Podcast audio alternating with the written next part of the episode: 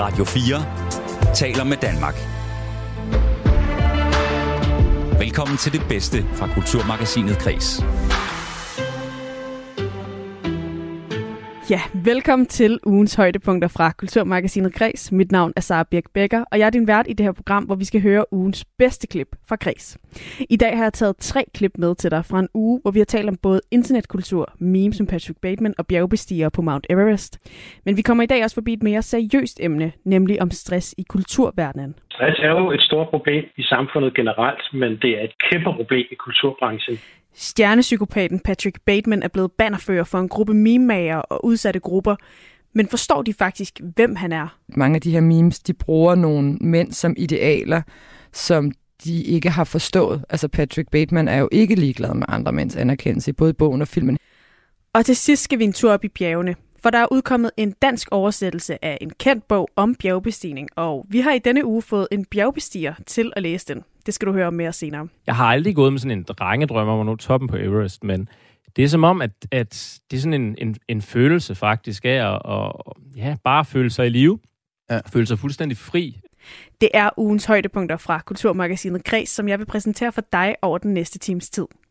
Mit navn det er Sara Birk Becker. Velkommen til. Radio 4 taler med Danmark. Vi begynder med et indslag om stress. I denne uge har hele to prominente danskere nemlig meldt ud, at de er ramt med stresssymptomer. Det er forsvarsminister Jakob Ellemann Jensen, der har meldt sig syg med stresssymptomer. Og så er det håndboldstjernen Mikkel Hansen, der nu også er sygemeldt med symptomer på stress. Og det er noget, vi hører om ret tit, det her. I januar udkom bogen Fartblind, hvor Jakob Mark, der er folketingsmedlem for SF, beskriver, hvordan stress var ved at koste ham synet. I forbindelse med den her bog besøgte han min kollega Karoline Kjær Hansen i programmet Mellem Linjerne. Og der lød det sådan her. Øh, jeg vågner lige der, inden man falder i den dybe søvn, og kan ikke få luft. Og det bliver jeg ligesom ved med at vågne af. Jeg kan ikke, jeg kan ikke sove, fordi hver gang så sker det der. Og så øh, mit hjerte hamrer afsted, og jeg tænker, hvad, fanden, hvad sker der med mig? Og, øh, og min kæreste, daværende kæreste, var helt ud af den og sagde, altså græd jo, og sådan, nu ringer du altså til en læge. Og så kunne den læge over telefonen, det var faktisk på psykiatrisk skadestue, sige, det er angst. Ja, og i denne uge har meget snak om kaffemaskinerne altså gået på, hvad det er, der gør os og vores politikere og vores sportsfolk så syge af det her arbejdsliv. Også kulturbranchen har i overvis været præget af stress og dårligt arbejdsmiljø, og derfor er det også et stort fokusområde i netop branchen. I det indslag, vi skal høre nu, har vært på Græs Maja Hall taget fat i Anders Dalsager, der er formand for de kultur- og medieansatte i fagforening Dansk Magisterforening. De står nemlig bag en undersøgelse, der viser, at kulturmedarbejdere er særligt udsat i forhold til stress, sammenlignet med andre brancher. Først kan man jo sige, at stress er jo et stort problem i samfundet generelt, men det er et kæmpe problem i kulturbranchen. Øh, vores seneste medlemsundersøgelse af alle de her flere tusind medlemmer, vi har i kulturbranchen, den viser, at øh, næsten halvdelen ikke mener, at de har tid nok til at løse deres arbejdsopgaver, og halvdelen øh, siger, at deres arbejdsplads er præget af stress. Og hvorfor er det sådan? Og, øh, Ja, jamen, der er flere grunde til det. Når jeg snakker med medlemmerne, når vi ser på vores medlemsundersøgelser, øh, og når jeg også har lyttet til, hvad der er blevet sagt i øh, offentligheden, så ser det meget tydeligt ud for mig som, at øh, vi har to problemer. Øh, det ene problem, det er, at øh, kulturbranchen er utrolig præget af løse og dårlige ansættelsesvilkår rigtig mange kulturansatte, de er ansat på midlertidige stillinger, hvor de måske har en eller to års ansættelse, og så skal de altså knokle igennem øh, for ligesom at få øh, et eller to års ansættelse igen. Jeg har haft kolleger tidligere i mit arbejdsliv, jeg arbejder selv på et museum, øh, der har været ansat 10 år på den her måde. Og det gør jo, at folk bliver bange for at melde sig syge, eller at sætte arbejdstempoet ned, simpelthen fordi de risikerer at miste deres job. Og det er sådan det helt grundlæggende problem. Et andet problem er også, som jeg ser det, at øh, vi ude på museerne, ude på kulturinstitutionerne, har haft alt for lidt ledelsesmæssigt fokus på det her med stress. Øh, der er ikke blevet gjort nok for at øh, støtte medarbejderne i at skabe et bedre arbejdsmiljø fra, fra ledelsens side. Og vi har jo set nogle enkelte eksempler, som har været rigtig grimme, hvor man har haft en ledelse, som øh, hvis ledelsesstil øh, faktisk har, har fremmet, øh, hvad hedder det, stressen, fordi mm. man ikke har sat ind over for de her stress. Ja, og løsningen på nogle af de problemer, du opremser her, er jo øh, nok det modsatte, altså netop i stedet for løsansættelser, så fastansættelser, men jeg hørte også sige, at der er et arbejdstempo, og der er også noget, øh, et, et, et, et urealistisk forhold, måske mellem ressourcer og forventninger. Det er også noget, det vi har hørt gentaget i forhold til øh, de sager, der har været i branchen med eksempelvis Arken, vi skal høre om lidt, men også et museum som Aarhus Kunstmuseum i Aarhus eller, eller Søfartsmuseet. Altså, det er ikke en ny ting, at der er hårde arbejdsvilkår i kulturbranchen. Hvorfor er det, altså, det virker til, det er svært at ændre på, at de her sager popper op. Hvorfor er det så svært? Jamen spørgsmålet er, om det er så svært, og spørgsmålet er, om det ikke er en rigtig god idé, at vi begynder at gøre noget ved det. Fordi øh, mange af de her kulturinstitutioner, vi har i Danmark, de arbejder jo i en situation, hvor at deres øh, finansiering helt sikkert er for lav. Øh, men problemet er, at når man presser medarbejderne så hårdt, så ender man med nogle lange sygemeldinger i den anden ende.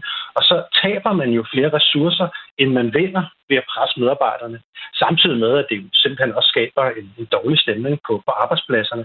Og, og dermed så får danskerne ikke al den kultur, de faktisk kunne få, hvis nu vi sikrede medarbejderne nogle bedre forhold. Men hvad jeres undersøgelse også peger på, det er, at, at kulturbranchen er særlig og hårdt ramt i forhold til dårligt arbejdsmiljø. Har I som fagforening, altså du er formand for de kultur- og medieansatte i fagforening Dansk Magisterforening, Anders øh, Dalsager, har I været lavet langt nok fremme i skoene i forhold til at få forbedret arbejdsvilkårene, så vi ikke ser alle de her sager derude, hvor der kommer tre påbud Altså, det vi prøver at gøre, øh, det er, at vi prøver at række ud til for det første ledelserne selvfølgelig, og så prøve at se på, hvad er det for nogle institutioner, der faktisk er lykkedes med at skabe nogle bedre vilkår, og lykkedes med at nedbringe sygefraværet, og lykkedes med at skabe bedre arbejdsmiljø. Og så ligesom prøve at udbrede budskabet omkring, hvad man gør de her steder. Samtidig så har vi jo selvfølgelig også enormt mange tillidsrepræsentanter ude på vores museer, som jo er øh, repræsentanter for fagforeninger for medarbejderne lokalt. Og der er jo rigtig mange af dem, der gør en kæmpe indsats i dagligdagen for at løfte de her problemer. Men det, der er afgørende, det er jo, at man kan gøre det sammen med ledelsen, øh, og det skal et samarbejde mellem ledelse og medarbejdere. Og det vi kan se, at der, hvor at ledelsen er indstillet på at, øh, at gøre noget ved det her, og hvor der kommer det her samarbejde, så, øh, så kommer man altså også langt i forhold til at, øh, at skabe bedre arbejdsmiljø og, og bedre arbejdsvilkår. Ja, sagde altså Anders Dalsager, formand for de kultur- og medieansatte i fagforeningen Dansk Magisterforening. Du kan høre hele udsendelsen om Jakob Marks bog Fartblind i programmet Mellem linjerne fra den 29. januar. Der beskriver han, hvordan stress var ved at koste ham synet. Du finder programmet i Radio 4's app. Du lytter til Radio 4. Ja, og jeg er din vært på det her highlight-program. Mit navn er Sara Birk Becker, og jeg er i gang med at præsentere de bedste bidder fra Kulturmagasinet Kreds i den her uge for dig. Nu skal det handle om Patrick Bateman, internettets afkrog og meme-kultur. For måske har du bemærket, at klip og billeder af karakteren Patrick Bateman fra filmen American Psycho dukker op i mange memes og steder på internettet lige nu. Ofte i sammenhæng med at være en sigma male. Og hvis ikke du ved, hvad det betyder, så lyt lige med her. I det indslag, vi skal høre nu, handler det nemlig om, hvordan brugen af Patrick Bateman som joke og ikon i værste tilfælde i de allermørkeste afkroge af internettet er med til at forstærke kvindehad og voldsforherligelse. Det er hos en gruppe unge, særligt mænd, der har taget ejerskab over en række af filmhistoriens misforståede ikoner, heriblandt altså Patrick Bateman. Her er det vært på Kreds, Mathias Wissing, der har besøg af Maja Kalke Lorentzen, der er ekspert i internetkultur og i online hadfællesskaber hos Cybernauterne. Det store spørgsmål er så, hvem er det, der har sat kløerne i Patrick Bateman? Og også hvem det er, Patrick Bateman har sat kløerne i. Jamen altså, Patrick Bateman øh, er røget i kløerne på noget af det, man kalder manusfæren, som er de her digitale fællesskaber, hvor mænd ligesom samles om sådan antifeminisme og, og modstand mod meget af det moderne ligestillingsarbejde, vi ser, og så også sådan en, hvad kan man sige, nostalgi for tidligere manderoller, som i deres optik var mere sådan klart defineret. Øhm, og det er der, man, man blandt andet dyrker sådan nogle idéer om, at man skal være en alfa og ikke en beta, som er den her idé om, at der ligesom er sådan et hierarki mellem mænd, og det er bedst at være i toppen af pyramiden. Og inden for den her sådan tankegang, så er der nogen, der har fundet på et nyt begreb. Mange har nok hørt om det her med at være en alfahan. Øh. Jeg har nemlig selv sådan, at jeg har godt hørt dem tale om alfahan ja, og betahan, der i sådan nogle afkroge af internettet. Ja, Men... og det er, jo, det er jo baseret på faktisk et, et, et studie af ulve, som så senere har vist sig, at det ikke er rigtigt. Altså ulve lever ikke i alfa- og beta-flokke, de lever i sådan øh, familieflokke. Så, så det er egentlig baseret på noget sådan pseudovidenskab. Men det her med en og det, sigma... Og det grader af, øh, altså det grader af hvor, hvor maskulin man er, eller hvad er det for et altså parameter? Det, man kan sige, de sætter det ligesom op som sådan en pyramide, hvor en alfa vil være i toppen. Og han er så øh, den, der ser bedst ud, og stærkest, og sådan dominerende, altså ligesom styrer flokken øh, og selvfølgelig får flest kvinder. Og det er det, som, som de her grupperinger går meget op i. Hvordan får man ligesom adgang til så mange kvinder som muligt. Og så betaerne, det er sådan måske hans, øh, hans lidt mere underdanige bedste ven, og så har de også en idé om, at der er nogen, der hedder omega-mænd helt nede i bunden af pyramiden, som, okay. som der er ingen kvinder, der interesserer sig for, som alle de andre mænd ligesom sådan ignorerer og, ja. og ligesom, øh, hvad hedder det, ikke respekterer. Så det er både sådan en, en, et hierarki, der handler om at få andre mænds respekt, og så er det et hierarki, der handler om at få kvinders interesse. Og så kommer så de her Sigma-mails, ja. som jeg faldet over. Jeg har ikke hørt om det før, men altså, det har det jo... du. Altså, kan du ikke sætte mig ind i, hvad, jo. hvad det er for noget for et begreb? Jo, det er jo vigtigt at sige, at alle de her ting, det er baseret på pseudovidenskab. Altså, der er ikke sådan øh, noget videnskabelig dokumentation for, at, at mennesker lever øh, efter sådan nogle alfa-beta-hierarkier. Men det er noget af de her manusfære, især coaches og folk, der tager penge for at sælge der kurser, i, hvordan du kan blive en alfamand, de kan godt lide at sælge de her sådan simple idéer om, om menneskelig psykologi. Og nogle af dem har så fundet ud af, at der er også noget, der hedder en sigma. Så mm. ikke bare alfa-beta, men en sigma-mand er ligesom en, der står uden for hierarkiet. Så han er ligeglad med de andre menneskers respekt. Og han er ligeglad med kvinders kærlighed eller sex. Han vil bare have penge. Og det beund det bliver idoliseret, eller det vil man gerne være i de her kredse af ja. internettet? Eller? Ja, der bliver det ligesom set som sådan en ny, øh, hvad kan man sige, en ny arketype at stræbe efter. Og det kan jo være, især hvis man er en mand, der tror på, at der er de her hierarkier, og man føler, at man ikke rigtig kan leve op til dem, så kan det jo være rart at sige, at jeg er også bare ligeglad, fordi jeg er en sigma. Jeg går bare kun op i penge. Jeg er ligeglad med, om andre mænd respekterer mig, om kvinder have mig. Så, så der, der er jo ligesom sådan en eller anden øh, power fantasy i, hvis man længe har prøvet at performe inden for et eller andet hierarki, så at ende med at være ligeglad med det her hierarki og alligevel være en succes. Det er mm. meget det, som den her idé om Sigma-manden sådan personificerer. Ikke? Og, så, og det er jo så der, hvor nu er vi så netop inde ved Patrick Bateman igen, øh, fordi altså, han blev født, kan man sige, han blev opfundet i romanen der American Psycho for mm. 32 år siden, mm. filmatiseringen af bogen, øh, hvor hvor, øh, hvor hedder han, Christian Bale, han spiller Patrick Bateman. Den er 23 år gammel, og ja. det er så fra den film her, vi ser en masse memes og mm. gifs, korte videoklip, alt det her. Hvor, hvorfor, hvorfor tror du, at Patrick Bateman passer ind i, i det der sigma-male øh, øh, øh, idolisering eller dyrkelse? Jamen, der er jo både noget sådan, der, der er en popkulturel øh, reference i filmen, man, man kender øh, hans udseende. Der er nogle øh, videoer, hvor han har den her morgenrutine, hvor han sådan Øh, han arbejder på Wall Street, så han ligner en, der tjener mange penge. Så er der også de her videoer, hvor han er en psykopat og slår både mænd og kvinder ihjel, som ligesom også tapper ind i det her med sådan, du ved, Sigma-mænd, der, der er ligeglade med alle de andre. Øhm, men så er det jo også et eksempel, altså et, et klassisk eksempel på, at mange af de her memes, de bruger nogle mænd som idealer, som de ikke har forstået. Altså Patrick Bateman er jo ikke ligeglad med andre mænds anerkendelse. Både bogen og filmen handler jo netop om, at han prøver at komme op på toppen af det her hierarki, og han bliver så rasende over de andre mænd, over de har sejre ved sit kort end ham, og tjener flere penge end ham. Mm. Øh, og, og det er også sådan, øh, han laver sit had til kvinder og går ud over dem ved at slå dem ihjel. Altså han er jo bestemt ikke ligeglad med hverken, hverken mænd eller kvinder. Mm. Men det er så interessant, at han så bliver omfortolket det her til sådan, at han er en sigma-mand. Ikke? Mm. Han er ligeglad med andre. Han, han er, der, der er blandt andet sådan et billede, hvor han sidder med sådan en ansigtsmaske på, og så har de skrevet ind over, jeg er ligeglad med kærlighed. Jeg går kun op i the grind, som er den her idé om at arbejde rigtig, rigtig meget, og blive rigtig succesfuld og være ignorere alt andet. Ikke? Mm. Ja, og, og netop, altså, Patrick Bateman er jo den her øh, helt ekstremt usympatiske, psykopatiske hovedkarakter i, og fortæller også i American Psycho, som er en bog af Bret Easton Ellis fra, fra 91, som sagt, som i sig selv er et dybt forstyrrende mesterværk, men mm. som så for alvor blev, blev katapulteret ud i den her brede offentlighed med filmatiseringen af bogen fra, fra 2000, som er instrueret af Mary Harron, hedder hun altså en kvindelig instruktør, og så med Christian Bale i rollen som uh, Patrick Bateman. Og det er, det er derfor de der memes og gifs, som internetbrugere, der identificerer sig selv eller idoliserer de her såkaldte Sigma-mails, som vi taler om i programmet i dag, altså udspringer fra. Jeg kan lige spille lidt fra traileren, og øh, til lytter, hvis I tror mig, hvis du ikke har set filmen, så er den ikke så happy-go-lucky, som det lyder til her i, øh, her i starten. New card.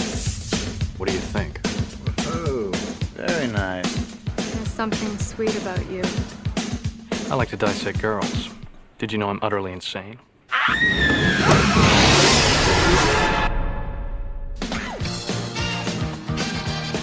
Ja, i uh, American Psycho, der følger vi så den her 27-årige investeringsrådgiver, tror jeg, han er på Wall Street, Patrick Bateman, som er altså sygeligt optaget af fla- øh, overflade og udseende og materialistiske goder, og han er ved at få et decideret øh, angstanfald, da han ser, at hans kollega, som du også sagde, mig, har et, har et mere elegant visitkort end ham selv. Mm. Og for så at fremprovokere en eller anden form for følelse, så begynder han øh, simpelthen at slå folk omkring sig ihjel, altså til højre og venstre, det er hjemløse, prostituerede kollegaer, men til hans egen forfærdelse, så sker det uden, at nogen reagerer på det, og til sidst kan han så ikke rigtig finde ud af, hvad der er virkelighed, og hvad, der, hvad, der, hvad han bilder sig ind. Mm. Øh, og det interessante er, at den her Patrick Bateman-figur har været genstand for, hvad de på Berlingske engang har kaldt litteraturhistoriens mest groteske fejllæsninger, lige siden han blev født. Og da American Psycho udkom i 91, der modtog øh, Bret Easton Ellis, der ham, der skrev bogen, han modtog dødstrusler, han blev ligefrem anklaget for kvindehader, for at glorificere mm. hele den her materialistiske, overfladiske kultur. Selvom så altså, at eksperter argumenterer for, at hans roman ville lige præcis det modsatte, altså, altså udstille den her livsstil. Øh, og Christian, B- Christian Bale, som så spiller Patrick Bateman, han øh, fortalte en historie til magasinet GQ om at have besøgt Wall Street øh, et stykke tid efter, han havde lavet øh, American Psycho. Prøv lige at høre. When there still was the Wall Street uh, trading floors and everything, I went and visited, you know, all different levels of people at Wall Street, but the guys on the trading floor, when I arrived there before making the film, I got there and a bunch of them, they were going, oh, Patrick Bateman, and patting me on the back and going, oh, yeah, we love him. And I was like, yeah, ironically, right? And they were like, what do you mean? So it was always worrying, um, even, back then. But, you know, clearly, look, it's a satire on capitalism in the 80s, and as such is, is, is so bloody far-fetched and ridiculous that, you know, to me, I can't help but think it's hilarious. Ja, det er jo så det, han siger, clearly it's a bloody, mm. it's a satire uh, about uh, det her miljø i 80'erne, ikke?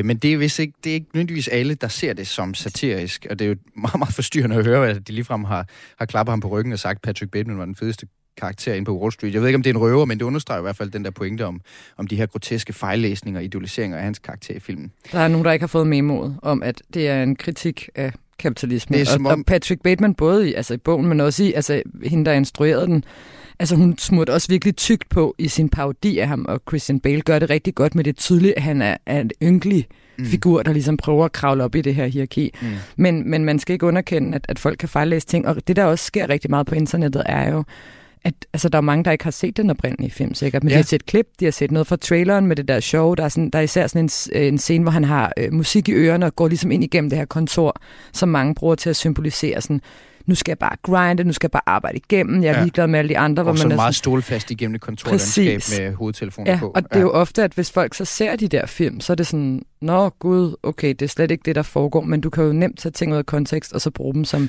et meme, og de får ligesom deres eget liv, uafhængig af, hvad Brett Easton Ellis eller Christian Jens, Bale er lige med ind i det, for det er jo noget, vi ser faktisk i internetkultur, altså det bliver løsrevet, revet ud af kontekst, og sådan, altså, øh, hvad, hvad, det, det tænker jeg jo selvfølgelig, at øh, en af de, en, noget af det, der gør American Psycho til et mesterværk, er jo, at den er så besværlig at komme igennem, mm. fordi at, øh, man ved ikke helt, hvilke ben man skal stå på, mm. og så mm. til sidst, så har man igennem hele, hele følelsespektret og, og komme ud på den anden side med sådan en, en bred fortælling, kan man sige, hvor man har lært noget. Det, der så sker i den der krystallisering, hvor man tager alle scener ud, øh, så kan man jo vælge selv, hvad det er for et udtryk, man har lyst til Fuldstændig. Og man, ja, man kan sammensætte en helt ny Patrick Bateman, altså, som virker som en, der har en masse visdomsord, eller som er en, hvad, du ved, et maskulinitetsideal, eller en inspiration, mm. eller altså en, en, en selvbevidst satiriker. Det er jo det, der er så super smart ved de her memes, og det er også, der er jo flere lag i det. Der er jo både de lag for folk, der ligesom kender historien og læser Patrick Bateman memes og synes, det er sjovt og grænseoverskridende at bruge ham ja. i et meme. Og så er der dem, som netop har, har den her sådan sigma-læsning af ham som, som et mandeideal. Så, så det kan have simpelthen så mange sådan lag af betydning og lag af mening. Og nogle gange så bliver det også, så bliver selve memet, øh, hvad hedder det, så, så almindeligt, at det helt bliver løsrevet fra den oprindelige kontekst, som er American Psycho. Nå, men det er bare et meme, hvor der er en, der sidder og siger noget, som passer rigtig godt. For eksempel er der et, hvor, han sidder, hvor de sidder og sammenligner øh, hvad hedder det, visitkort. Mm. Her har jeg et eksempel fra, fra en, en venstreorienteret Instagram-konto. Øh, og i starten så siger han sådan, impressive, very nice. Altså det er meget imponerende. Når, lad os se en eller andens visitkort. Og her siger hun så, impressive, very nice, successful career in the arts. Now let's see the family financials. Mm. Som ligesom er et meme, der hentyder til, ja, ja, det er rigtig flot, du gør det godt som kunststuderende, men er dine forældre rige? Så det er ligesom en reference til hele den her diskussion om, nepo babies ja, det her og med at eliter. være født ind i nogle succesfamilier. Præcis. Øh, ja. og, og Patrick Bateman er jo i høj grad en del af en elite i filmen, men så bliver han lige pludselig brugt som et meme, der kritiserer ideen om sådan, øh, at, at man har fortjent sin plads, hvis man kommer fra en rig baggrund og sådan noget. Så, så det er ligesom også efterhånden løsrevet fra den oprindelige kontekst, og, og bare blevet et internetmeme. Ja, og i det, øh, og det ved du noget om, Maja Kalke Lorentzen, fordi du er ekspert i uh, internetkultur og online-fællesskaber, hadfællesskaber. Øh, men hvor, hvad er din vurdering? Altså, hvor meget skal vi tage de her Patrick Bateman-memes for pålydende som udtryk for et eller andet ønske om at være altså stå fuldstændig uden for samfundet og uden for vores etiske kodex og, og ikke har brug for andres anerkendelse, som han jo bliver idoliseret for på Wall Street. Mm. Og hvor meget bliver figuren brugt til bare at ironisere over eller karikere det her totale mentale breakdown? Hvor meget lever det bare sit eget liv på internettet, mm. uden at have noget med Patrick Bateman egentlig at gøre?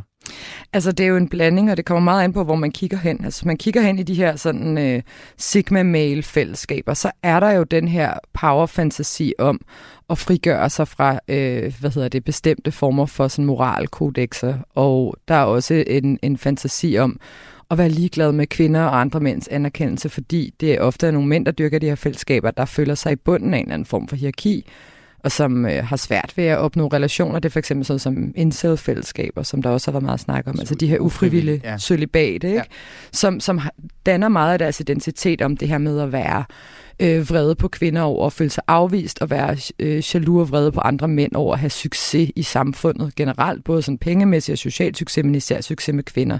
Og der kan den her idé om at være en, en sigma, der er ligeglad, men også en potentielt voldelig sigma, mm. øh, som Patrick Bateman jo også er. Der er mange af de her meme-konti med Sigma Mail memes, der deler videoer af, hvor han står og hakker nogen i stykker med en økse, så er det sådan, mm. når kvinder snakker til mig, sådan, så, så går han amok med øksen. Og det der, ikke? det kan man jo ikke lade være med at tænke over, Maja, om det, er det et problem? Altså kan sådan en meme-idolisering af de her, den her psykopatiske figur få, få konsekvenser også uden for det digitale univers? Eller, altså hvad, hvilken altså, kraft ligger der i den der øh, meget, meget destruktive mimificering af ham? Altså jeg vil sige, jeg er jo ikke tilhænger af sådan noget, men, men jeg tror, man kaldte det kanyleteori i gamle dage. Sådan noget. Hvis du ser et voldeligt videospil, så går du ud af voldelig.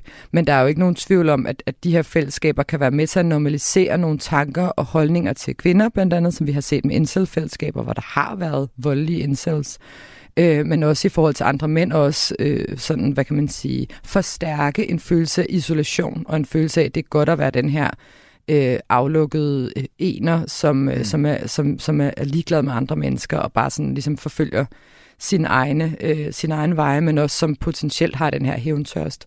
Som, altså det kan jo normalisere nogle tanker, som er både rigtig usunde for en selv, men så også for enkelte medlemmer af de her grupper, øh, kan måske være med til at normalisere nogle voldstanker. Men, men, man, det er ikke farligt, bare fordi man ser et Patrick Bateman-meme. men men hvor, øh, kan, kan vi lave et eller andet, altså hvor, hvor mange er det, der er til falds for at se de her Patrick Bateman-memes og, og blive, altså få normaliseret en eller anden øh, meget, meget for eksempel misogyn diskurs? Altså nu har, nu har jeg jo ikke talt det op, fordi jeg er jo ikke på hele internettet. Altså manusfæren er jo kæmpestor. Ja. men, men for eksempel den her uh, Sigma Rules uh, Instagram-konto har 78.000 følgere. Ja. Uh, så det er jo ikke ingenting. Uh, det, er, det er noget, og der er også mange, der deler dem ironisk og har det sådan lidt sjovt med det, men det er også noget, der ligesom siver ud, og der sidder også ud over det mandecoaches på YouTube og lære dig, hvordan du kan få et Sigma grindset og sådan noget. Så det er jo noget ideologi, der især bliver solgt til unge mænd, som sådan her, du er en rigtig mand. Men det er jo i princippet den samme fare eller risiko, som der har været ved overhovedet at lave filmen American Psycho og skrive bogen American Psycho. Det her med, den er jo altid til falsk for at blive misforstået. Det er men altså dem, Sigma, Sigma Rules meme-kontoen øh, er, er, er ikke ironisk, vil jeg sige. Det er det, der er forskellen. Der er ligesom nogen, der ideologisk er øh, interesseret i det her mindset. Men det er altid sådan, når man kommer noget ud i verden, så, så kan det jo blive fortolket i alle mulige retninger. Så, så vil sige, man, man kan ikke tillade sig rigtig at kritisere Bret Easton Ellis eller øh, Christian Bale, for at de er blevet overtaget på den her måde, men det må da være lidt mærkeligt for dem, mm. tænker jeg. Og vi snakker altså om det, fordi at, at de her øh, memes, videoklip, små billeder med tekst af øh, Patrick Bateman-karakteren fra American Psycho, øh, bliver gjort til genstand for en eller anden idolisering af et segment på internettet, som dyrker de her sigma-mails, altså de her med at være fuldstændig kynisk og følelseskold og stå uden for samfundet på en måde. Øh, Maja Kalkul Ransen, hvilke andre figurer kender vi som det her segment af af unge på internettet har gjort til en slags misforstået helte, ligesom Patrick Bateman er blevet? Jamen altså, de er rigtig vilde med Tyler Durden fra, hvad hedder det, um, Fight Club. Fight Club, lige præcis. De elsker Fight Club. Altså endnu et eksempel på et stykke fiktion, som, som jo faktisk øh, ifølge forfatteren også kritiserer sådan, øh, sådan giftig maskulinitet, men så bliver det ligesom, han er, han er en held. De er også rigtig vilde med Walter White, som jo er endnu en karakter, der ender ja. alene og ulykkelig. Fra Breaking Bad. Fra Breaking Bad. Ja. Øhm, hvad hedder det? Så, så de har ligesom de her, sådan, øh, en, de tidligere meget har dyrket, har også været Don Draper fra Mad Men, mm. som jo igen også er en, en ret trist karakter på mange måder, men, men man kan umiddelbart godt, hvis man bare tager, kigger på det og tager det for god varer, så er de jo den hårdkogte held i et flot jakkesæt, eller som sprænger det hele i luften, eller ligeglad med alle andre, så kan man godt bare sådan, du ved, øh, tage, det som, øh, tage det sådan for pålyden, at nom, han, han, må være, han må være en sej mand. De har mm. også øh, Killian Murphys karakter for Peaky, øh, Peaky Blinders, så er de, er de også rigtig glade for. Ja. Så der er ligesom... Tommy Shelby. Ja, præcis. Ja. Der er ligesom mange eksempler på, at man tager nogle af de her sådan lidt hårdkogte karakterer, som i den serie eller bog, de indgår i, ikke nødvendigvis er en held. Mm. Ja. Øhm, men, eller, eller en person, der bliver set som sådan øh, moralsk god, og så siger de, at det her det er et ideal. Det er, jo det, at det er jo det, der sker, det er jo, at det er jo nogle antihelte, som excellerer som karakterer ved at have en dobbelthed i sig i den kontekst, mm. de oprindeligt indgår i, altså filmen eller tv-serien, hvor de både er fascinerende og skræmmende på én gang, og så er det som om, at de bliver destilleret på en eller anden måde mm. i de her internet, øh, internetkultur, i den her internetkultur, eller den her internet... Øh, ekokammer, det er mm. det, jeg vil sige. Jeg har lige et lille klip med, nu nævnte du Tyler Durden, jeg har lige et klip med fra Fight Club, hvor han laver sådan en form for kemisk, kemisk brand, brændsårstortur mm. af, af films fortæller ham, som i folkemunde hedder Jack. Without pain, without sacrifice, we would have nothing. I tried not to think of the word searing or flesh. Stop it! This is your pain. This is your burning hand. It's right here. I'm going to my cave. I'm going to my cave. I'm going to find my power animal. No! Don't deal with it the way those dead people do. Come on! I get the point, okay, No, please. what you're feeling is premature enlightenment. Ja, han er sådan en rigtig macho-fyr, Tyler Durden, mm. der slår til Jack og, og vil lære ham en lektie om at være til stede i livet ved at mærke smerten og sådan nogle ting. Altså, hvad er det for en... Øh, hvad har Tyler Durden og og Patrick Bateman og de andre, du nævnte her før, hvad har de til fælles i, i, i, den, i det her maskulinitetsideal? Jamen, det er det her sådan hårde maskulinitetsideal. Ikke? Du skal bare kunne mærke sværten, og du skal være ligeglad med de andre, og du skal bare sådan, øh, stå på dine egne ben, og, og hvad hedder det, kun have, have dig selv og de, din egen behov for øje. Og det er noget, som bliver spejlet meget i, i noget af den øh, retorik og de fortællinger, som man ser i den her manusfære. Det er det her med at lære mænd at være, enten at være en alfa eller en sigma, ikke? altså ligesom at være i toppen af en hierarki, øh, sørge for sig selv, før de sørger for alle andre, ligesom både gå til relationer med andre mænd, men også sådan seksuelle eller kærlighedsrelationer til kvinder på sådan en meget strategisk måde. Du skal sådan du vil have noget ud af det, du vil have sex ud af det, eller du vil have status ud af det. Så det er meget sådan en, øh, hvad hedder det, øh, sådan en, en lidt sådan, både en, en lidt reaktionær fortælling om, om mænd og maskulinitet, ikke? men du skal, være, du skal være stærk, og du skal være dominant, og du skal ikke, du ved, gøre, hvad nogen siger, mm. men også sådan en lidt beregnende tilgang til verden. Ikke? Hvordan mm. kan du få ravet mest muligt til dig? Øh, at, at det, du har behov for. Det er ikke så meget fokus på, hvordan skaber du nogle gode relationer, eller sådan. Det er meget sådan beregnende på en eller anden måde. Ja, og selvcentreret. Mm. Øh, ja, det handler om at rave til sig. Ja, og det uanset, også selvom man er anarkistisk, som Tyler Durden er, det er jo fordi, ja. at han tænker, at han selv har ret, ikke? Jo, jo, og, og det er jo interessant det der med, altså det handler om at, at, at, at rave til sig, og det bliver set som en god ting. Altså et, et meme, der de er også glade for, det er sådan hele det der Wolf of Wall Street, som jo også er en parodi om greed ja. is good, eller sådan. Jordan Belfort. Præcis. Ja. Altså det, det er grådighed, og det, det godt til sådan, den, det er den eneste øh, drivende kraft i universet, det er, at du ligesom sådan sørger for dig selv. Og så er de jo alle sammen øh, fremmedgjorte. Altså, de er jo alle sammen nogen, man kan spejle sig i øh, på, det, på mm. den måde. Hvis man føler sig på kanten af samfundet, så ja. ser man nogen, der også er på kanten af samfundet. Som så tilfældigvis også, og det er det sidste, jeg lige skal høre dig om, er, er ekstremt veltrænet. Mm. De er langt de fleste af dem ikke. Tyler Durden, Patrick jo. Bateman, øh, Don Draper er jo også, øh, han ja. er, eller velklædt. Altså, hvad betyder selve det, de kropslige ideal for det? Æstetikken spiller en kæmpe stor rolle. De vil aldrig være blevet de her idealer, hvis de ikke havde været konventionelt meget attraktive og ekstremt veltrænet. Altså Christian Bale trænede jo også helt vildt meget for at komme i form til den der rolle, fordi det er en del af Patrick Bateman-karakteren. Men igen, her bliver det så læst ikke som en reference til sådan øh, den her sygelige kropskultur, men som et ideal. Du skal ind og træne. Altså en del af det her Sigma Grindset er, at du skal træne rigtig meget, og så skal du tjene penge øh, og ellers bare gå til relationer med andre mennesker på sådan en, en meget beregnende måde. Men, men det æstetiske, sådan mandlige kropsideal, øh, er en kæmpe stor del af det, og mange af dem, der deler de her memes, er også sådan nogle træningscoaches og sådan noget, som ligesom okay. prøver at, at, at sælge unge mænd på, jamen du skal bare, du ved, du skal bare træne. Øhm, og om på den ene side, så er det her med at træne og spise sundt jo en rigtig god ting, men der er altså også nogle miljøer, som sidder ligesom og, og bruger det som en måde at nå ud med noget ideologi, som er lidt bredere end bare at leve sundt. Altså, hvad tænker du på? Jamen altså sådan, for eksempel er der nogle sådan mere ekstreme miljøer, der rekrutterer gennem sådan øh, træningsvideoer. Øhm, altså rekrutterer medlemmer, simpelthen. Så, så har du den her meget glitzy Instagram-æstetik med store muskler og sådan noget, og så er så prædiker du samtidig noget, for eksempel noget højere ekstrem ideologi, som ligesom ligger lidt skjult i den der æstetik. Ikke?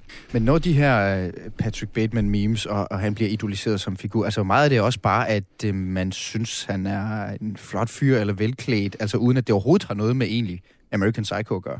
Der er helt klart en hel del af det, altså som, som også handler om den rene æstetik i det. Altså han har den her, det er jo, det er jo derfor filmen også fungerer så godt. Den, den øh, bruger jo den her æstetik, som øh, Patrick Bateman idealiserer. Hvis du gerne vil have, du ved, et, et liv med øh, økonomisk overskud, og du egentlig godt kunne tænke dig at være sådan en, en veltrænet stock trader, men du måske du ved, ah, har, et, har et manuelt kedeligt arbejde eller andet sted, det ved du godt, du kommer aldrig til, så er han jo klar at, at mm. se på som et ideal, uden at man nødvendigvis ved noget som helst om, hvem Patrick Bateman egentlig er. Altså mange af de her Sigma-mail memesider er for eksempel fra Indien. Ja. Altså det er jo så ikke sikkert, at, at øh, den film er en, er en særlig stor referenceramme for indiske unge mænd, men det er mimet stadigvæk. Ja. Og så taler han ind i det, du kalder powerfantasien ja. tidligere. Ja, kæmpe stor magtfantasi. Både det der med at være fysisk stærk, attraktiv, med øh, at, at have penge, men også det der med, hvis folk pisser ham af, så slår han dem bare ihjel. Sagde altså Maja Kalke Lorentzen, ekspert i internetkultur og i online hadfællesskaber hos Cybernauterne, om Patrick Bateman. Du lytter til Radio 4.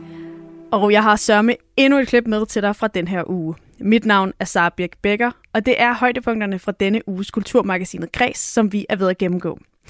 Nu skal det handle om bjergbestigning. I denne uge er bogen Op i bjergene af den svejsiske forfatter Ludvig Hol nemlig udkommet på dansk. Bogen handler om bjergbestigning og udkom første gang i 1975. Og selvom bogen den kun fylder 98 sider, så tog det forfatteren 49 år at færdiggøre den. I bogen møder vi de to bjergbestigere, Ul og Johan, på vej op ad et bjerg i Alperne. Den ene er en dygtig, handlekraftig og modig bjergbestiger, og den anden er vælsindet, slukøret og dårlig til at bestige bjerge. Næsten nøjagtigt halvvejs i romanen, der skilles deres veje. Og så følger læseren henholdsvis den enes vej mod tindens top og den andens retræte. Det er en bog, der først og fremmest handler om, hvor lille et menneske kan være over for naturens kræfter. I det indslag, vi skal høre nu, har vi i kreds fået besøg af en, der for første hånd ved, hvor kraftfuld naturen kan være. Det er Rasmus Krav, der er bjergbestiger, som vi har fået besøg af her, og i år 2017 og i 2018 var han et stenkast fra at nå toppen af verdens højeste bjerg, Mount Everest. Men det var altså først i år 2019, at det lykkedes for ham at stå på taget af verden. Og ikke nok med, at det lykkedes, så blev han også den første dansker, der nåede toppen af Mount Everest uden brug af kunstig ilt. Vi har sat Rasmus Krav til at læse Ludvig Holes bog op i bjergene, og høre, hvad han egentlig har at sige til den her, at man kan genkende det, der bliver sagt i bogen. Men først så spørger vært på Græs Mathias Wissing, hvad det er, der egentlig drager Rasmus Krav til bjergbestigning. Ja, men jeg tror egentlig, øh, at, at det her med at gå ud og, hmm, hvad kan man sige, sætte sig selv i spil i, i naturen, mod naturens kræfter, øh, føle sig lille, og gå ud i, hvad kan man sige, ukendt land, både, øh, hvad kan man sige, geografisk ukendt, øh, det var bjergtoppene jo engang, nu har vi opdaget de fleste af dem, øh, noget toppen på de fleste af dem, men også ukendt i forhold til ens egne grænser, øh, mentalt og fysisk.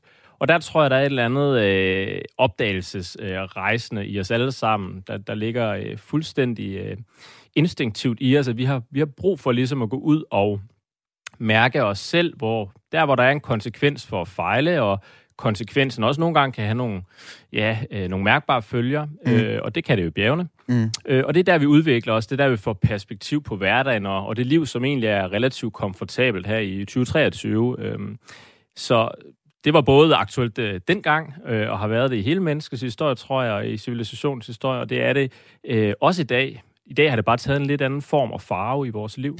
Ja, og det må man, altså, der er jo det her begreb om det sublime, som handlede om dengang øh, alle sammen under romantikken, de skulle op i bjergene og sætte livet lidt på spil og stå og kigge ud over et eller andet kæmpe dyb, øh, for ligesom at få den der det der sug i maven, ikke? Øh, måske mm. allerede dengang, fordi at hverdagen var komfortabel og ufarlig på en anden måde, end, end, end den sådan øh, har været øh, verdenshistorisk set.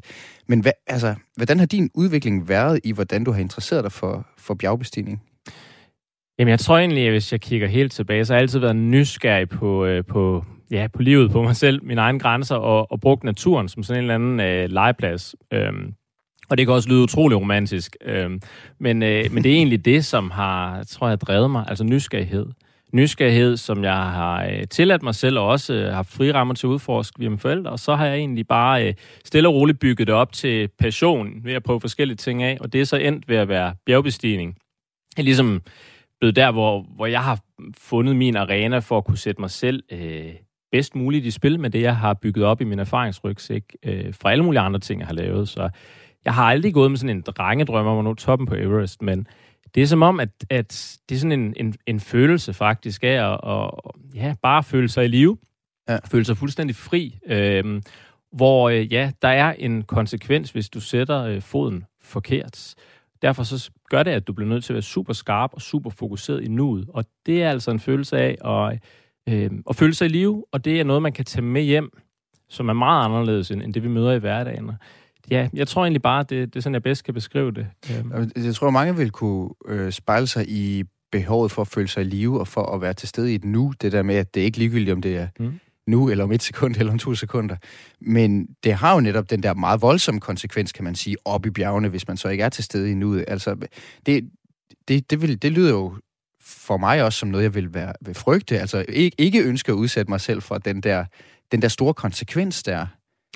Ja, men vi kan jo prøve at spørge os selv, hvad frygt er. Er det i virkeligheden ikke også bare en, en masse tanker, der flyver rundt? Er det, er det virkelighed, eller er det bare øh, noget, der foregår op i hovedet på os? Ikke? Øhm, og der er der jo noget, øh, noget spændende ved det at stille sig ud i en virkelighed og sige, okay, nu skal jeg overkomme den her udfordring. Øh, og så selvfølgelig øh, møde en udfordring, som, som matcher en, eller som måske lige er lidt større, end, end det, man troede, man kunne overkomme. Ikke? Ja. Det, der skal være balance i de skridt, kan man sige, man tager op af ja. sit, eget, øh, sit eget bjerg, altså den udfordring, man nu stiller sig over for. Og, og det er jo også sådan, jeg har bygget mig selv op til at ja, starte med at, at, at løbe ud i en skov. Og, og, du var sådan være trail- og, og ultraløber. Ja, præcis. Ja. Jeg, start, jeg startede med at løbe orienteringsløb og prøve alt sådan noget af, og, og på den måde ligesom bygge succesoplevelser op, udfordre mig selv, finde ud af, at jeg kunne mere. Og til sidst så endte jeg i bjergene. Så endte jeg med at flytte til Norge et par år, og øh, lige pludselig tænkte jeg, nu, nu skal jeg til Himalaya, nu, nu skal jeg også have tynd luft på, og lige pludselig, jamen så øh, tænker jeg, okay, okay, nu, nu prøver jeg at sætte barn rigtig højt, og så blev det Mount Everest uden øh, kunstig ilt, og, øh, og det har ligesom været sådan et mål, hvor at, jeg vidste ikke, hvordan jeg skulle komme derhen, men øh, så satte jeg mig over for den, øh, og så, så fandt jeg ligesom en vej derhen, øh, mm. skridt efter skridt, og ja, zigzaggede mig en masse undervejs, og, øh, og, og lavede også en masse fejl, og det kan godt være, at nogle af dem havde en, øh, en tæt på fatal konsekvens, øh, set i bagklodskabens lys, øh, så havde jeg heller ikke været dem for uden, fordi det har lært mig utrolig meget, ikke bare om at bestige bjerge, men også om øh, mig selv og om livet. Mm. Og det er i virkeligheden, det jeg ser på bjergbestigning som, det er, det er noget, vi ikke kan lære øh, i, øh, i livet, medmindre vi, vi kaster os ud øh, mm. i sådan noget som det, og øh, så kan vi se ind på, på den hverdag, vi går rundt i med helt andre øh, øjne efterfølgende. Mm. Det tror jeg er vigtigt. På den ene side kan jeg jo fuldstændig være med på, det siger. Ja. På den anden side, så er det også bindegalt. Alt, altså at bruge alt det, altså så stor en del af sit liv på, øh, på de 10 minutter, man overhovedet kan holde ud at være på toppen af, af, af verden der. Altså, der, mm. der, der, er jo også der er jo noget helt vildt øh, besættende i bjergbestigning også, forestiller jeg mig. Altså, hvis man bliver bidt af det, så er det, så er det måske... Altså, hvordan føles det at være bidt af, netop at ville til tops på Mount Everest? Mm. Nu er, er der jo en meget interessant lille øh, wrap-up til sidst i den her bog, vi skal snakke om, også mm. mere konkret om lidt, tror jeg. Og der er rigtig mange, der har sagt det igennem tiden, og jeg har nok i virkeligheden sagt det alt for lidt, og været alt for lidt bevidst om, at det i virkeligheden er vejen, der er målet. Det er ikke toppen, der er målet. Det er øh, vejen, og nu sagde jeg øh, selv, at jeg ikke havde været nogle af alle de mellemregninger, der har været øh, fra jeg har sat mig målet om Everest til jeg nåede toppen foruden. Mm. Og, øh, og det er fordi, det har lært mig så meget øh, undervejs. Og det er jo i virkeligheden det. Det er ikke den her selfie fra toppen, som øh, man deler med omverdenen, den her anerkendelse. Øh, Det troede jeg, det var. Og det kom til at fylde rigtig meget. Det kom til at være egotrippet, der fyldte øh, og, og fik en, en flot overflade ud af til. Men i virkeligheden, når jeg ser tilbage nu, så er det jo nogle helt andre elementer, der har øh, været vigtige i det her. Mm. Men man bliver nødt til at sætte sig målet, hvad, før hvad man kan en, øh, få mellemregningerne. Hvad, hvad er det for nogle mellemregninger, altså for nogle fejl, du også beskrev som tidligere? Ja. Det er jo øh, sådan helt konkrete fejl, hvor du har lært noget i, i den proces der. Ja, man kan sige, at der er de helt konkrete fejl, man kan begå teknisk og fysisk ude på et bjerg, altså en bjergbestigning. Og det, det er der jo også masser i den her bog, der bliver beskrevet, mm. ikke? At, at man går lidt overmodigt til nogle ting, eller ja. ikke. Det, det er ikke helt matchet øh, den udfordring, man egentlig selv er i stand til at løse. Øhm, men de fejl, jeg har begået, det er primært øh, at tro, jeg var drevet af noget andet, end det, der egentlig gjorde sig gældende. Altså, det har været anerkendelse, der på mange måder har drevet mig, øh, når jeg kigger tilbage. Det, det vil jeg meget gerne lægge, øh, lægge lige kode på bloggen og sige. Øh, og det har, altså, det har også øh, kørt, mig, øh, kørt mig ned i et hul efterfølgende. Jeg skulle klatre op af igen mentalt, fordi... Øh, fordi det der med at, og, og, altså det her var også et, et projekt for mig, hvor der var sponsor involveret, der var en stor, hvad kan man sige, følgerskare, øh, mm. og der må jeg sige, der mistede jeg på mange måder mig selv øh, i det her game, mm. øh, og, og det skulle jeg genfinde og genopbygge efterfølgende. Så meningsfuldheden i det, det her med at gøre vejen dertil mm. til målet, ja. det, det missede jeg undervejs. Jeg glemte at stoppe op, jeg glemte at mærke mig selv, øh, for at levere det her resultat, den her præstation. Ja. Og i virkeligheden, så er det jo en metafor, du kan overføre til livet. Vi alle jeg skulle lige til at sige, jeg står jo og tænker, at det der, mm. det er jo mm. præcis, det, det er bare sat på spidsen, fordi at det er liv og død og det højeste bjerg i verden, men det er jo en allegori for, for mange af de ting, som vi... Altså, anerkendelse er jo også for mig selvfølgelig, og for, mm. for stort set alle, jeg kender, en eller anden form for motivation. Øh, samtidig med, at det jo ikke må fylde det, det hele. Altså, så der er også noget i, at det er bare sådan et destillat, når det så handler om bjergbestigning. Ja, og der er jo ikke noget i vejen, skal også lige sige, der er jo ikke noget i vejen for, at, øh, at man, øh, man, man søger noget anerkendelse. Det har vi alle sammen i os. Det er naturligt for os at stræbe op af, jo, på en eller anden måde. Fuldstændig naturligt. Og øh, det, det vigtige er bare, at man øh, lige præcis stopper op, man har de her tænkepauser undervejs, lige øh, standser her og kigger tilbage på den vej, man har gået, og korrigerer sin retning på vejen mod, øh, mod målet. Øhm, lære af de, de fejltrin, man har lavet undervejs. Øhm, og, og det må jeg sige, det har jeg ikke været god nok til. Og, og i dag, der, der kigger jeg jo meget ind på det og siger, jamen, det handler om retning, personligt, øh, frem for hastighed. Ja. Og det, det, det tror jeg, vi, vi kan lære noget øh, øh af alle sammen. Øhm, så mange måder, nu beskriver de også bjerget i den her bog som en metafor til sidst mm, faktisk. Mm, ja. Det var egentlig også sådan, jeg læste den med, så der er så mange andre lag i det. Og der er nemlig også nogle ekstra paralleller, for lad, lad, os, ja. lad os åbne bogen. det er ja, ja, men øh, lad os gøre det. øh, når jeg taler om bjergbestigning med dig, Rasmus Krav, så er det jo, at du er selv bjergbestiger i 2019, blev du som sagt den første dansker til at, til at nå toppen af verdens højeste bjerg, øh, uden ilt. Øh, og når vi taler om det, så er det egentlig på baggrund af den bog her. I morgen så udkommer Op i bjergene af den svejsiske forfatter Ludvig Hohl. Den udkom i, i 1975, men i morgen så kan man så få den for første gang på dansk. Og inden øh, vores snak her nu, øh, så, så ringede jeg til, til bogens oversætter, forfatter Selma Rosenfeldt Olsen, og hun fortalte, at øh, ham her Ludvig Hohl, han på mange måder var en helt særlig person, blandt andet fordi han aldrig nogensinde blev færdig med at redigere sig selv. Han var altid i proces, og han så nemlig på sine bøger som et øh, stykke ler, som han kunne blive ved med at dreje og forme i en, i en uendelighed. Øh, jeg spiller lige klippet for dig også her, Rasmus. Han mente, at litteratur, at skriveprocessen aldrig måtte stoppe. Man skulle som forfatter blive ved med at revidere sit værk, og revidere sit værk, og revidere sit værk. Øh, og det var derfor, at den bog, som nu øh, foreligger på dansk, som øh, hedder Op, på bjerg, Op i bjergene på dansk, øh, den er 98 sider lang. Det er ikke så langt, men det tog ham 49 år at gøre den færdig. øh, men, men det er jo en sjov ting, fordi at jeg som læser kender jeg jo det her med, at hver gang man møder et værk på en ny måde, så, øh, så, så tænker man, jeg bliver aldrig færdig med den her bog, fordi når jeg læser som 20-årig, og jeg læser som 40-årig, så er det noget helt andet. Øh, man lægger mærke til forskellige ting. Man er selv et andet sted i sit liv, og så ser man noget andet. Men det her, det er altså også i skriveprocessen. Det er jo godt nok sjældent, at man at man oplever det. Ja, det er så, så spredt ud over hans, øh, over hans levetid. Øhm, prøv at sætte lidt flere ord på selv med også, hvem han, øh, altså hvad var han for en person også? Altså, fordi jeg kunne forstå, at du siger, at han var en særling, men hvordan kom det til udtryk? Ja, Nej, jeg vil ikke sige, at han er en særling, men da, han er blevet kaldt en særling. Han er også blevet kaldt infant terrible, hvis det skal lyde lidt pænere. Nu ved jeg ikke, om mit fransk er godt nok til, at det lyder pænere, men, øhm, men øh, det, og det har især noget at gøre med, at han havde en række årtier øh, især i den sidste del af hans liv, som han faktisk tilbragte øh, ret alene og, og, øh, og alkoholiseret i en kælder i Genève, hvor han, øh, hvor han genskrev øh, sine allerede skrevne værker, blandt andet og særligt øh, noget, som han kalder hans hovedværk, som er en meget, meget stor mængde øh, små fragmenter, som man kan kalde for tænkestykker, øh, som han sad og skrev om, og skrev om, og skrev om, og skrev om, og skrev om.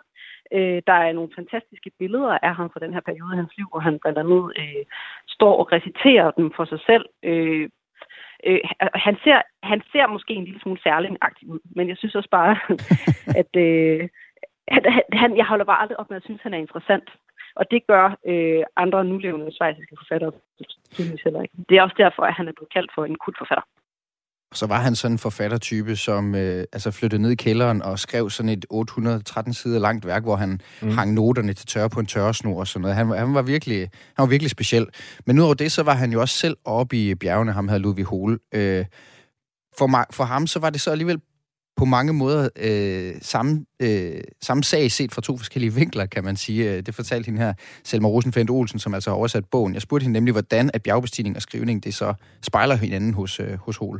Hol, han, han det bjerge fra han var barn.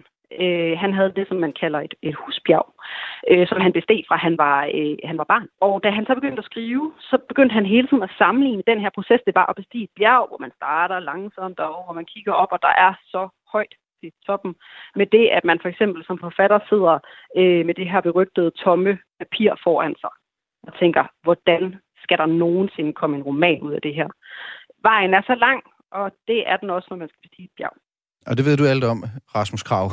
Mm-hmm. Du er bjergbestiger, og du har så inden udsættelsen læst øh, Ludvig Holes op i bjergene, som også handler om bjergbestigning, bare i en lidt anden tid. Øh, hvordan var det at læse bogen for dig, altså som bjergbestiger, med de erfaringer, du har gjort dig som bjergbestiger?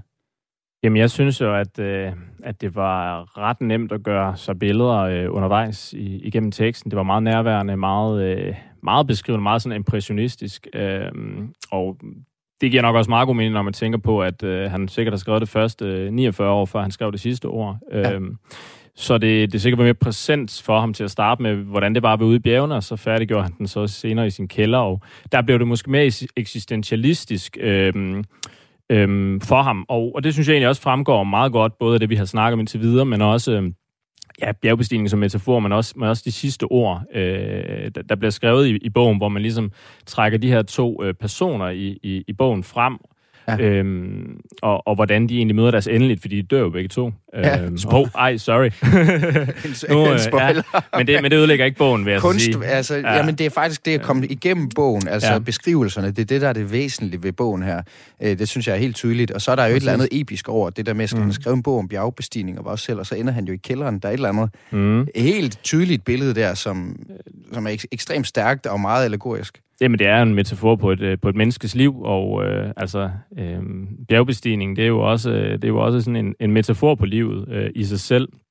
Øhm, øh, noget, jeg faktisk lige for at trække den ud til, til den kontekst, vi er i nu, øh, jeg tager selv folk med ud i bjergene nu, og noget af det, jeg blandt andet stiller dem over for, det er, det er at begynde at putte noget, nogle, nogle, nogle reflekterende spørgsmål ind i det, blandt andet det her med, øh, når, når det er hårdt, og de møder modstand, jamen, øh, lever eller overlever du nu? Ikke? Og der kan man jo også sige, det, det står også meget godt beskrevet i bogen, synes jeg, mellem linjerne.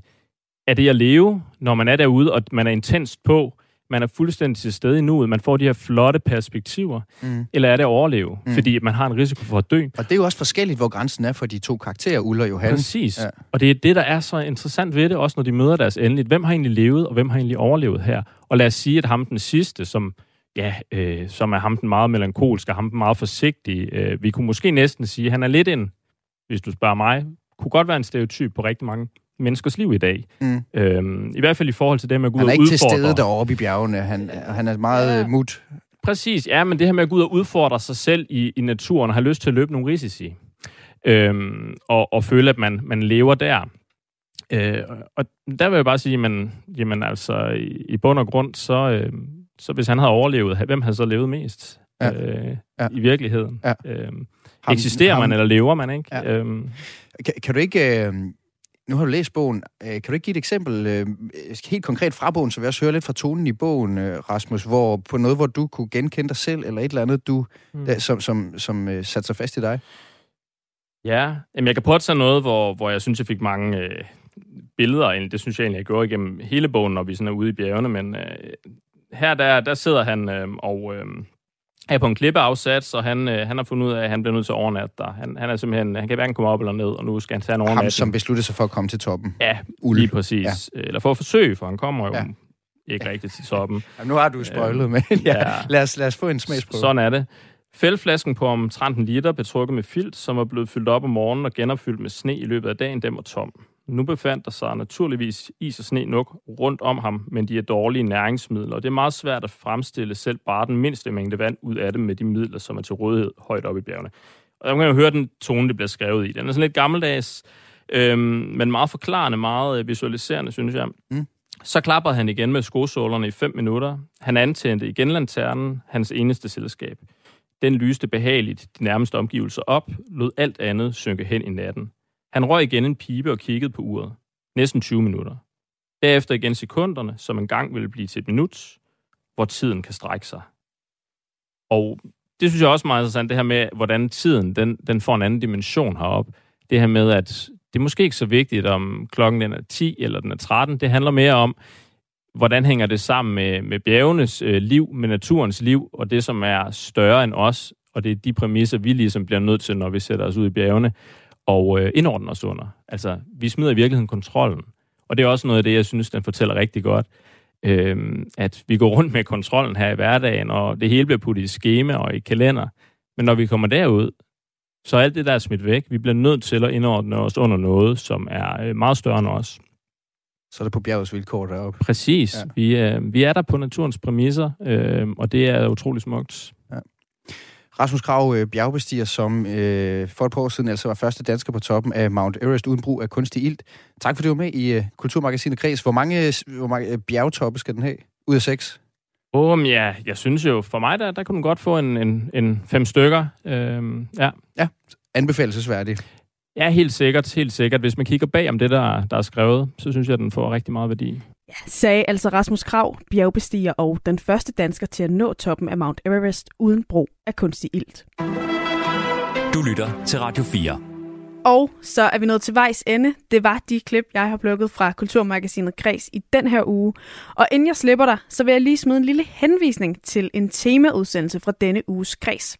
Det handler om romantiske komedier. For som romcom-fan synes jeg selvfølgelig, at 90'er-filmene er bedst, men de er også lidt problematiske. Og måske er de endda på vej tilbage. Lyt lige med her. Men and women can't be friends because no man can be friends with a woman that he finds attractive. He always wants to have sex with her. So you're saying that a man can be friends with a woman he finds unattractive? No, you pretty much want to nail him too. Why is it there are so many unmarried women in their 30s these days, Bridget? Suppose it doesn't help that underneath our clothes our entire bodies are covered in scales. fame thing isn't really real, you know.